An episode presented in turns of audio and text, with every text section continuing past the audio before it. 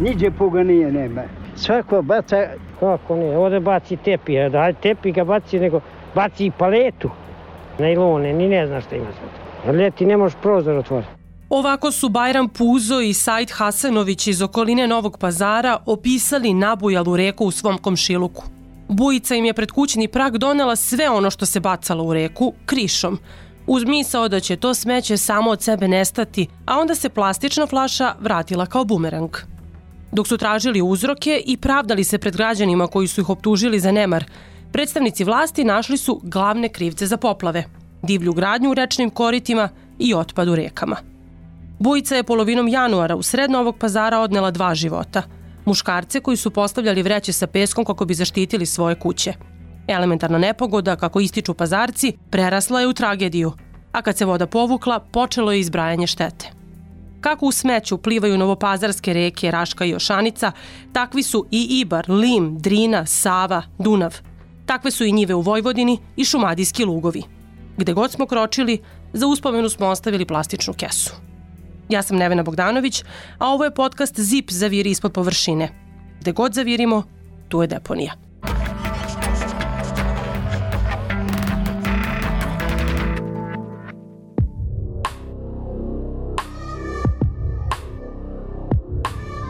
Seća se Said Hasanović da se kao dete kupao u Jošanici. Ista ta reka je 50 godina kasnije, polovinom januara ove godine, podivljala usled kiša i nosila sve pred sobom.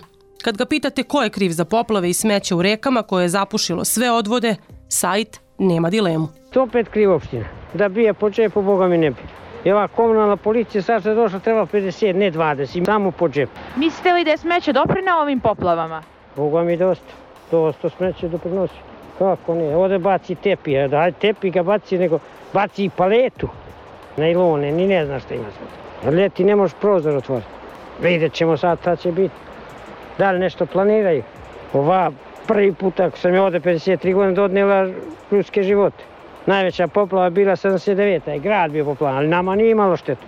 Ja sam se ovde kupao nekad kao dijete. Bajram Puzo se kaže bunio zbog smeća. Vajde nema, saglasne su i Malića Đerlek i Muamera Baštanin. Niđe puga nije nema. Svako baca od ozgo kolju stoku i ode se krv sliva. Donesu od ozgo ljepše svinje, ljepše pašče, mačke, kokoške, sve bacaju tu. Ja sam se svađao sa Šimohaniće se bio, ja sam se šute. Svi oni znaju šta treba se radi, obećaju 30 godina da se to ukoriti i da se stavi ovde odbrana, da, da ni ide vamo voda, niko ništa ne dira. Dosta teško, teško, teško. Svako je svestan tih posledica, ali bez obzira tako, vikli su tako većina lakše mi iz kuće da iznese, da baci, pa da, nek nije, da nije u mojoj javli, u većini slučaja to se radi. Bez vode se ne može živjeti, a voda izbaci ono što i nije njeno, što nije i potrebno. Svaki čovjek koji baci bilo šta u rijeku, on se ogriješi to je grije. Kad bi njima bacao neko u dvorište, valjda bi se opametili. Odma dođe tu do sukoba između naroda i inspekcije koja hoće da kažnjava i tu uvek ono naše popoznanstvo. Ja mislim da bi tu bilo najbolje postaviti neke kamere i onda nema. Znači samo se vidi jeste ili nije. I komunalna inspekcija da krene, baš da dobro kažnjavaju. Od 50.000 pa na više. A šta poručuju gradske vlasti kad se voda povukla? Apeluju na građane da promene navike – Armin Mehović je direktor preduzeća Čistoća u Novom pazaru, zaduženog za upravljanje otpadom.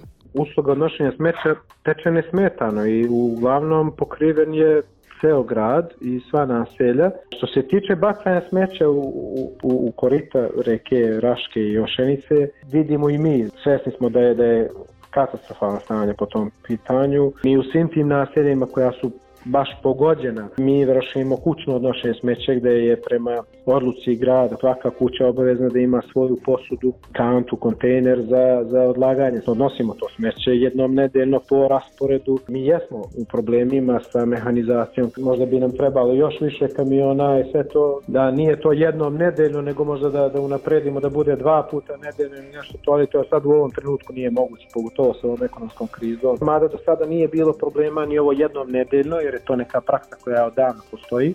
Smatram da možemo da prođemo i bez bacanja smeća u, u reke i da je to stvarno strašno. Da lokalna vlast preuzme odgovornost na sebe Poruka je ekološke aktivistkinje Nerme Zekić-Hočanin iz građanske inicijative za zdrav Novi Pazar. Postoji naravno odgovornost nadležnih institucija koje su nadležne da kontrolišu da sprovode zakon, pa tek onda građana prvo se mora raditi na uzroku, jer mi imamo saznanja koja građani redovno dele s nama, da je jedan od glavnih uzroka ovolikog smeća u rekama taj što meštani udaljenih naselja nemaju adekvatne usluge komunalnog, kamioni čistoće ne odnose uopšte ili ne odnose redovno odloženo smeće. Takođe, e, službe zadužene za monitoring i kažnjavanje neadekvatnog odlaganja otpada moraju više i bolje raditi svoj posao, jer zaprepastili smo se da je u proteklim godinama inspekcija reagovala izuzetno malo puta. Kad se desi ovakva vremenska nepogoda, ali kod nas se desila tragedija zato što smo izgubili dva života, onda se odgovornost prebacuje najviše na građane. Ali ne može odgovornost biti na građanima ako se zakon ne sprovodi kako treba da se sprovodi. Sistem nam nije dobar, da je kontrolisana gradnja, da je kontrolisano bacanje smeća, da je adekvatno kažnjavano to bacanje smeća, mnogo, mnogo drugačije bi se završile i ove poplave koje su bile sad, iako smo nekoliko dana pre toga bili obavešteni da će biti poplave i da je sve spremno, videli smo da ništa nije bilo spremno. Stati na put ilegalnim deponijama i smeću u rekama prvi je korak za rešavanje komunalnih problema Novog pazara – a drugi je, naglašava Nerma Zekić-Hočanin, odvanja otpada za reciklažu. Nemamo uslove za recikliranje. Novi Pazar je grad od preko 120.000 stanovnika, nema ni jednu javno dostupnu mašinu za reciklažu. Treba što pre uvesti one mašine reciklomate u velike markete i na nekoliko javnih mjesta. Ako bi se na nekoliko javnih mjesta postavile te mašine, ubeđena sam da svaki građanin koji bi dobio nekoliko dinara ne bi ovaj bacao te flaše tamo gde im nije mesto. Grad bi apsolutno trebao da uvede stroge kaznene mere za nepravilno odlaganje otpada, jer se to pokazalo vrlo uspešnim i u raznim zemljama širom sveta. Takođe smo uvidjeli da jedan od glavnih problema je to što ne postoji zaštita podataka prilikom prijavljivanja ljudi, tako da osobe ne žele da rizikuju da se neko odsjeti da su oni prijavili nekog ko baca smeće A kada pitate predstavnike vlasti kako se sortira otpad u Novom pazaru, jedan od odgovora je nismo loši u odnosu na ostale u Srbiji. Podatke ima Armin Nehović i Čistoće. Nismo loši. Možda zvuči neverovatno.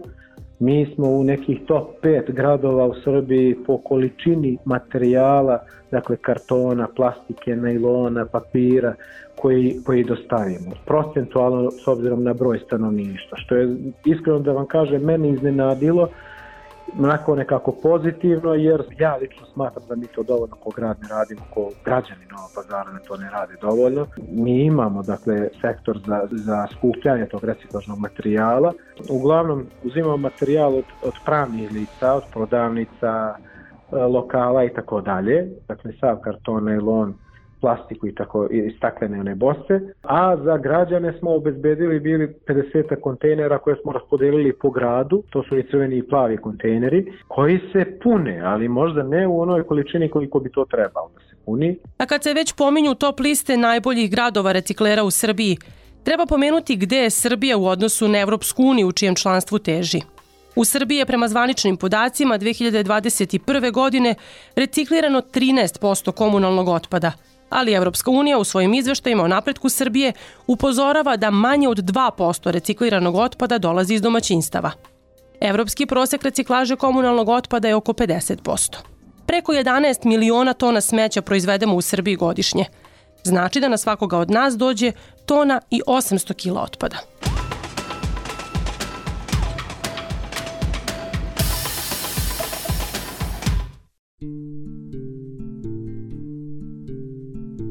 A sada zamislite ovo. Sneg škripi pod nogama. Vazduh je svež i sa planine odakle pogled seže na bar tri države, gledate kako brza smaragno-zelena reka osvaja brda. Ostavlja klisure, sve dok je čovek ne ukroti i napravi jezero. Reka je među najčistijima u Evropi. Nekada bila, a danas su Lim i njegovo potpećko jezero plutajuće deponije. Plavetnilo jezera zamenila su ostrva smeća, a sve ono što je nabojali lim pokupio na divljim deponijama u šest opština Crne Gore i Srbije sabilo se tu, kod Priboja. Da smeće nekontrolisano pluta po jezeru sprečavaju barijere. Svakoga dana iz jezera se napuni 25 kamiona otpada. Ali posao nije ni blizu gotov. Nedeljama unazad je uz radnike na brodovima tegljačima i Siniša Laković iz ekološkog udruženja Jastreb. Od domaćih životinja, krava, ovaca, teladi, svinja, friždera, zamrzivana, sve to dođe pet ambalaža. Tako smo izvadili nadgrobni spomenik, jer mi prosto u Bijelom polju imamo uh, industrijsku zonu na samoj obali Lima. U Beranu imamo dva auto otpada na samoj obali Lima koji sve to što ne mogu da prodaju svu tu plastiku, rezervare, branike, krovove, sve to lagiraju na obali Lima, čim se podigne nivo Lima, sve to stigne nama. Mi imamo ovde, izvadili smo primjera radi e, branik sa, sa, sa kompletnom tablicom. Vodim vas i na Ibar. Dug 276 km od izvora u Crnoj gori, preko Kosova do Srbije i ušća u zapadnu Moravu kod Kraljeva. Plovni put komunalnog otpada – Tako je reku opisao kraljevčanin Zvonko Kranjc, ukazujući na brojne divlje deponije duštoka. Pri rekordno visokom vodostaju u januaru sve je Ibar izneo na površinu. Pre svega, neodgovornost. Katastrofa. Bacati toliko smeća u Ibar i flaše i onda nam je sve drugi krivo, ali nikako mi sami. Znači nama fali ona osnovna kultura. Znači ono najosnovnije što ne košta. Jer to nigde nećete videti sem ovde na svim našim rekama. Čini mi se da je zadnja poplava pre dve godine, da je ona bila malo viša i da je isto toliko ovaj, smeća nanela i čuda i svega i svačega. Srbija je 2021. godine pobrojala više od 3000 divljih deponija. Od tog broja gotovo polovina nije očišćena tokom godine. A na gotovo 1000 divljih deponija koje su čišćene, smeće je ponovo bacano – pa su komunalci na isti teren izlazili i 10 i 20 puta.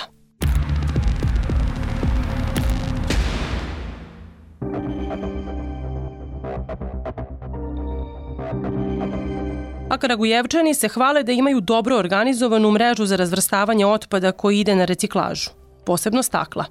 Stefan Nikezić je gradski većnik u Kragujevcu – zadužen za zaštitu životne sredine. Znači u prošloj godini imamo papirnu ili kartonsku ambalažu, predili smo 750 tona, zatim plastičnu ambalažu 73,5 tone, staklene ambalaže 98 tona, otpadne aluminijumske limenke 3,66 tona i električni i elektronski otpad 15,5 tona. Ono sa čime možemo mi kao grad da se pohvalimo jeste da smo postavili i pet reciklomata svi naši sugrađani imaju prilike da donesu limenke, da li je to od sokova, od uh, nekih alkoholnih pića ili čega već, ili da donesu, uh, da donesu plastične flaše koje mogu da ubaci u te reciklomate i onda će reciklomat, kada oni to urade, tražit će njihovu karticu koju imamo za gradski prevoz i oni će moći tako da dobiju određenu finansijsku pomoć na tim karticima koliko recikliraju, toliko dobijaju novca koji mogu da iskoriste posle za autoprevoz. Dok se lokalna vlast hvali, Kragujevčanke Jasmina i Marija prenose svoje iskustva. Primetila sam da kontejnera za reciklažu ima u naseljima u kojima se krećem. Mislim da kontejnera ima dovoljno, ali svakako bi moglo da ih bude više ili da bar budu bolje raspoređeni.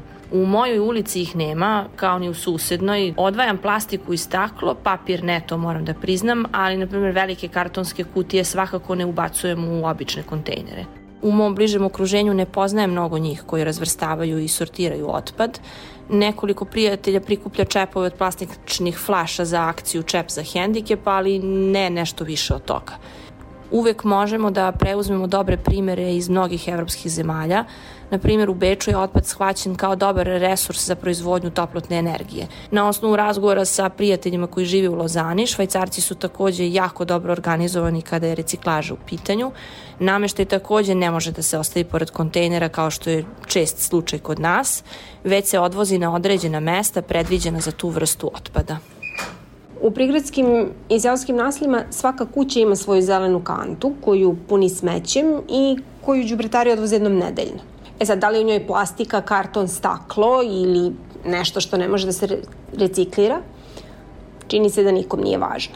Otpad odvajamo tako što karton i papir čuvamo u posebnim sanducima u podrumu i u zimskom periodu ih koristimo prilikom loženja kotla.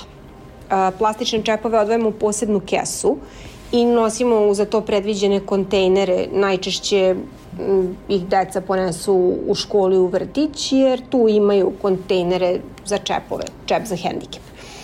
A plastične flaše i ostalu plastičnu ambalažu odlažemo u posebne kese, a onda ih nosimo u grad. Mislim da je zaista nedovoljno razvijena svest o reciklaži i odlaganju otpada prije svega nadležnih, jer znam da isti kamion istog dana odvozi đubre iz plave kante koja je predviđena za reciklažni otpad i iz zelene kante koja je predviđena i za ostali otpad koje je nemoguće reciklirati. Znači istog dana isti kamion. A Potom mislim i da je nedovoljno zaista svest građana, što pokazuje i činjenica da su kanali za kišnicu u seoskim i prigradskim naseljima puni plastike. 5.500 kanti, 700 kontejnera i dva kamiona za odvoženje otpada stigli su u Užice, zahvaljujući donaciji vlade Švedske i Evropske unije. Na kantama jasno naznačeno šta se gde baca, a naredni zadatak za Užičane – selektovati otpad, ukazuje Miloš Radojević, član Zelenog saveta grada i regionalne razvojne agencije. Nije dovoljno imati kamion, imati kantu, potrebno je mnogo raditi sa stanovništvom, treba raditi puno na edukaciji, na informisanju, treba ljudima biti na usluzi 24 časa dnevno, bezmalo. Ne možemo očekivati da će nam neko drugi doći i rešiti problem našeg otpada u našem gradu. Nema više mesta i prostora za priču o tome da nema sredstava, da nema tehnički opremljenosti, projekti su tu, novac je tu, oprema je stigla, samo se postavlja pitanje organizacijonih sposobnosti komunalnog preduzeća. Sa druge strane, pozivam inspekcijske službe, komunalnu miliciju, pozivam a, gradske službe da prilikom donošenja nove odluke o, o upravljanju otpadom u gradu Užicu, a trebalo bi da se donese kao takva zasebna, da se, ako treba, promene nadležnosti, dodaju nadležnosti koje trenutno ne postoje i nemaju ove inspekcijske službe, one moraju naći svoje mesto u ovim inicijativama, jer bez adekvatnog nadzora, a onda, zašto ne reći, i određenog kažnjavanja, nećemo biti u prilici da zabeležimo ozbiljne rezultate. Sa odvajanjem otpada u Užicu počelo se pre više od decenije. I to sporo ide. Umeđu vremenu regionalna deponija, koja je stara koliko i selektovanje otpada u Užicu, ubrzo se napunila. Činjenica je da mi godinama pokušavamo da uspostavimo primarnu selekciju otpada sa većim ili manjim uspehom u nekoliko lokalnih samuprava je to urađeno u regionu. Bajna Bašta, Arilje, od skora i Čajetina, grad Užice od 2011. godine se napinje i određene rezultate u tom smislu postiže grad Čačak takođe. Svi ti napori su doveli do toga da mi 10% otpada plus minus 1% gore dole ne zatrpavamo. Bez malo 90% otpada zatrpamo na telu deponije. I onda je lako matematički izračunati koliko je vremena bilo potrebno i negde se ta studija ispostavila kao tačna. Mi smo za čak ne punih 12 godina, već za 11 godina telo deponije napunili. Projektovani kapacitet deponije je milion tona, a trenutno je gore deponano nešto preko 900.000 tona otpada. Znači da ima jako malo još prostora. Dok u gradu ističu da još nemaju zakonske mogućnosti da kažnjavaju građane koji ne poštuju pravila reciklaže, Užičani Tamara, Dragica, Dragan, Anica i Jelica prilično su nezadovoljni. I na neki način bi trebalo to rešiti. Kako? Ne znam. Zaista je katastrofa. Centar grada je sav u džubretu. Ne mogu ljudi koji rade u komunalnim preduzećima toliko da očiste koliko mi možemo da isprljamo. A s druge strane, i dešavalo se ranije na što su se ljudi žalili da iako razvrstavaju taj otpad, da komunalno preduzeće vozi na deponiju kao pomešani otpad. Pa se onda postavljalo pitanje, a zašto ja to radim ako će neko taj otpad da pomeša? Mislim da se u posljednje vreme neke stvari menjaju, ali mislim mislim isto i da je to nedovoljno. Da, odvajam otpad. Da li i vaše komšije se pridržavaju tog pravila da tačno onako kako je na kontejneru napisano da tako ostavljaju otpad? Da, ali većina jednostavno neće. Bace pored, pored kontejnera, ostave tako šuti, to je to. Jer neće, jednostavno nema te kaznene politike. Jednostavno kad je zakon pušten, pušteni su i oni i to je to. Da li biste vi kad bi videli da ljudi greše, da li biste vi ih nekome prijavili? Ne bi, ja bi pre upozorila njega lično nego da ga prijavim, ne volim time da se bavim. Neću da budem cinkaraš, nisam ta. Ne bi ja sutra volila da neko mene prijavi, jer bi se ljudi mrzali bez ikakvog razloga. Ima divljih deponija. Jeste videli da ima? Jesam, jesam. I to isto, nema države, nema opštine, što se to ne skladište lepo. Je li vama grad prljav? Kako da ne? Još pogotovo sa maglom i smogom to plus što radi problem i niko ni na to ne vodi računa. Pa u delu grada da ja stanujem još uvijek nisu postavljeni kontejneri gde bi se vršila selekcija otpada. a ako se postaje sigurno ću to poštovati. Međutim, pitanje je ovde onoga kako država i zakoni kako funkcionišu. U delu grada gde živim, stari grad, u Užicu, dodeljene su kante pre godinu, godinu i po dana za suvi i mokri otpad. To sam i jedva čekala i počela sam da redovno recikliram. Nervira me jako kad vidim da neki komšije mešaju otpade. Lično mislim da nikad ovako nije bio i zagađen i prljav. Da, meni jako mnogo smetaju ovi kontejneri koji su uvek prljavi i oko njih jako puno ima ovaj džubreta.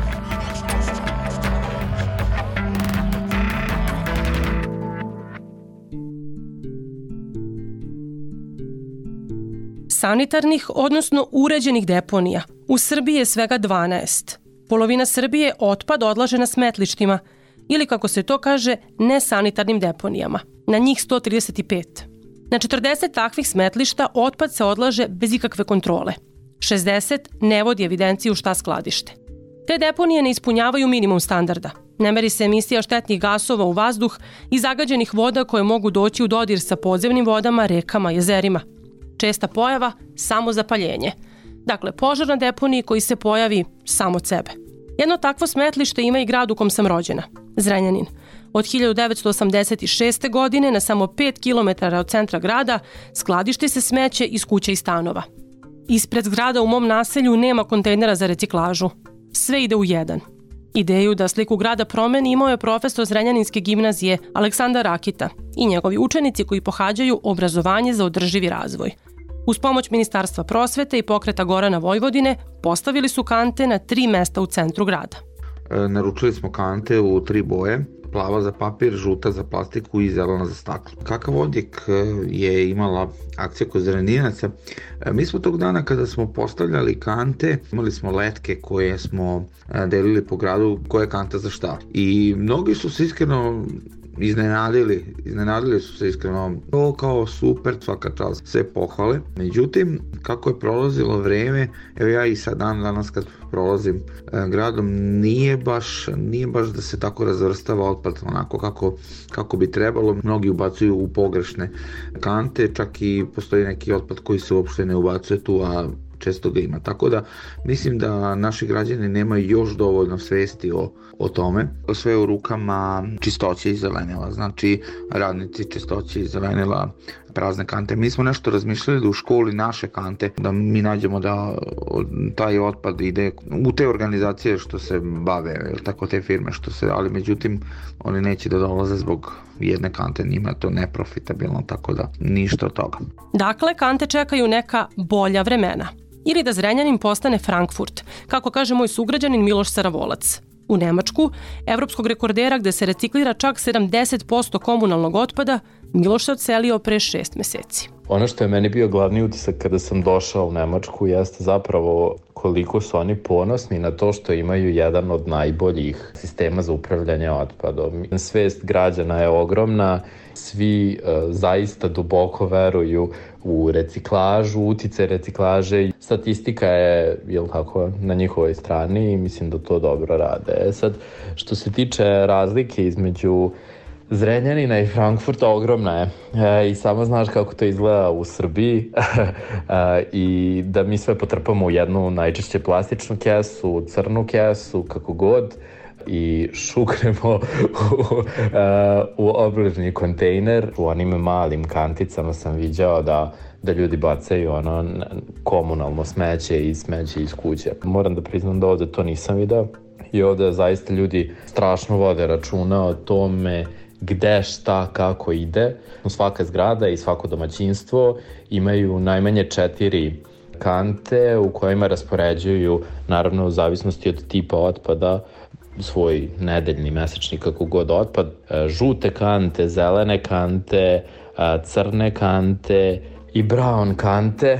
Sad već ne, ne znam da li sam pobrkao boju. Dodatno imaš na svakom ćošku kontejnere za odlaganje stakla. Odlažu posebno zeleno staklo, odnosno zelene flaše, tegle, kako god, belo staklo e, i tamno staklo. A ovako su izgledali prvi dani u Frankfurtu.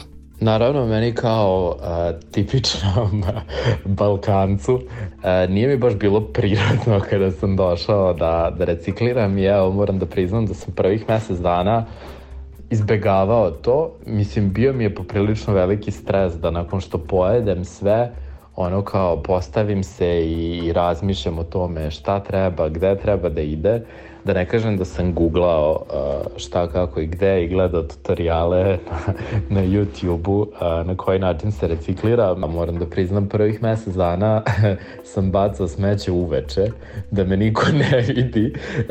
Sad kad smo kod, kod toga, zapravo imao sam i jednu situaciju uh, na početku kad sam došao. Nisam sortirao, sve sam bacio u jednu kantu i naravno to je komšinica videla i onda mi je držala bukvicu, tako da su mi ostale male traume od, od sortiranja. Bila je dobronamerna, ali je nije bilo pravo što, što sam bacio sve u istu kantu. Sada, evo, posle 6-7 meseci mogu ponosno da kažem da sam postao pravi majstor za reciklažu.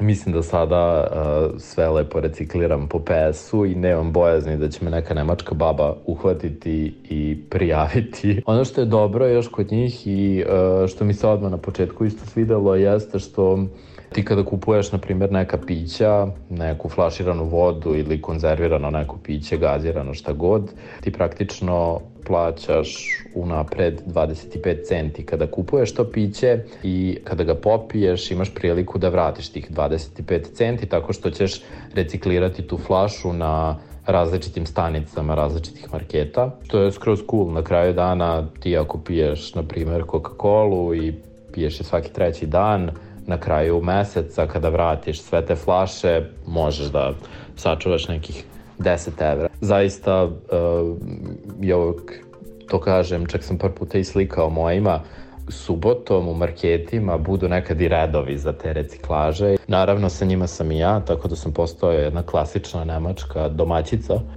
koja čeka u redu da reciklira sve. Znam da može neko i da te prijavi, ako ne poštuješ, verujem da bih ti došao sigurno ili račun za smeće uvećan ili, ili, ili bi ti dali jednokratnu kaznu. Pričao sam sa par Srba ovde i moram da priznam da su mi neki priznali da i dalje bacaju, da su ovde lupam 5 godina, 6, 7, i da i dalje ne sortiraju otpad. To na neki način govori samo koliko treba vremena i koliko će trebati nama vremena kada dođemo do tog momenta da želimo da recikliramo, da napravimo, imamo sredstva, imamo punktove i tako dalje, koliko će nam trebati vremena da menjamo svest ljudi.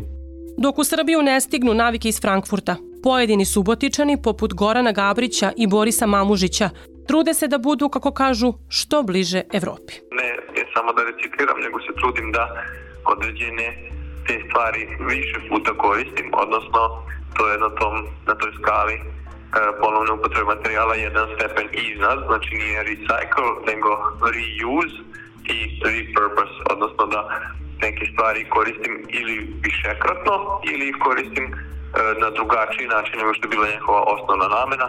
Pošto živim jel, na selu, odvajam, to selektujemo ovaj, organski otpad od komunalnog običnog otpada, posebno ovaj, selektujemo ovaj, pet ambalažu i ovaj, aluminijum. Što se tiče grada Subotice, mislim da je jako loše ovaj, to organizovano još dosta imamo mi ovaj, dosta kaskamo za Evropom. A Subotičanka Jelena Grujičić i kompostira. Pravi đubrivo za zemlju sve stavljamo, znači kompostiramo i, i našu hranu i hranu mojih roditelja i pokošenu travu i lišće, znači bukvalno ono mi nosimo 15 km dalje od Subotice da sve to stavljamo u kompost zato što će nam koristiti za baštu. Problem koji imam i vidim kao najveći je da uopšte ne postoji reciklaža uh, staklenih ambalaža i flaša. Koliko ja znam kafići to bacaju država prva treba time da se bavi pa onda da očekuje od građana da oni se, jel tako, bave time. Pretpostavljam da ljudi to smeće nekako ne vide kao nešto što će se njima vratiti, nego ono ja ga bacim i nikad više ga neću videti. Mislim, to ćeš pojesti.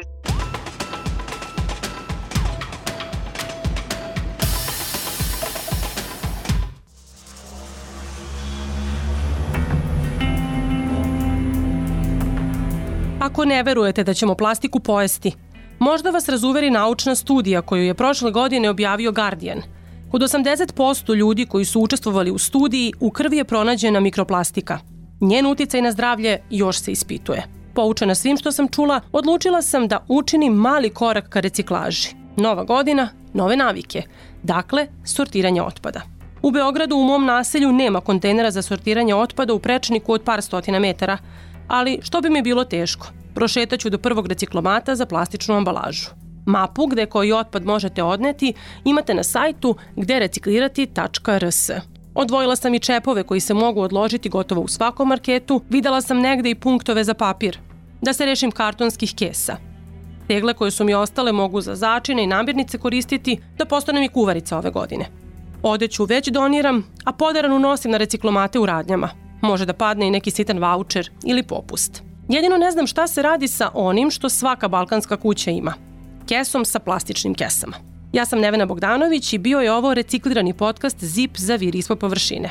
Sa mnom su ove sedmice bile koleginice Amela Bajrović iz Novog pazara, Danica Gudurić iz Priboja, Novka Ilić iz Užica, Natalija Jakovljević iz Subotice i kolega Branko Vučković iz Kraljeva i Kragujevca.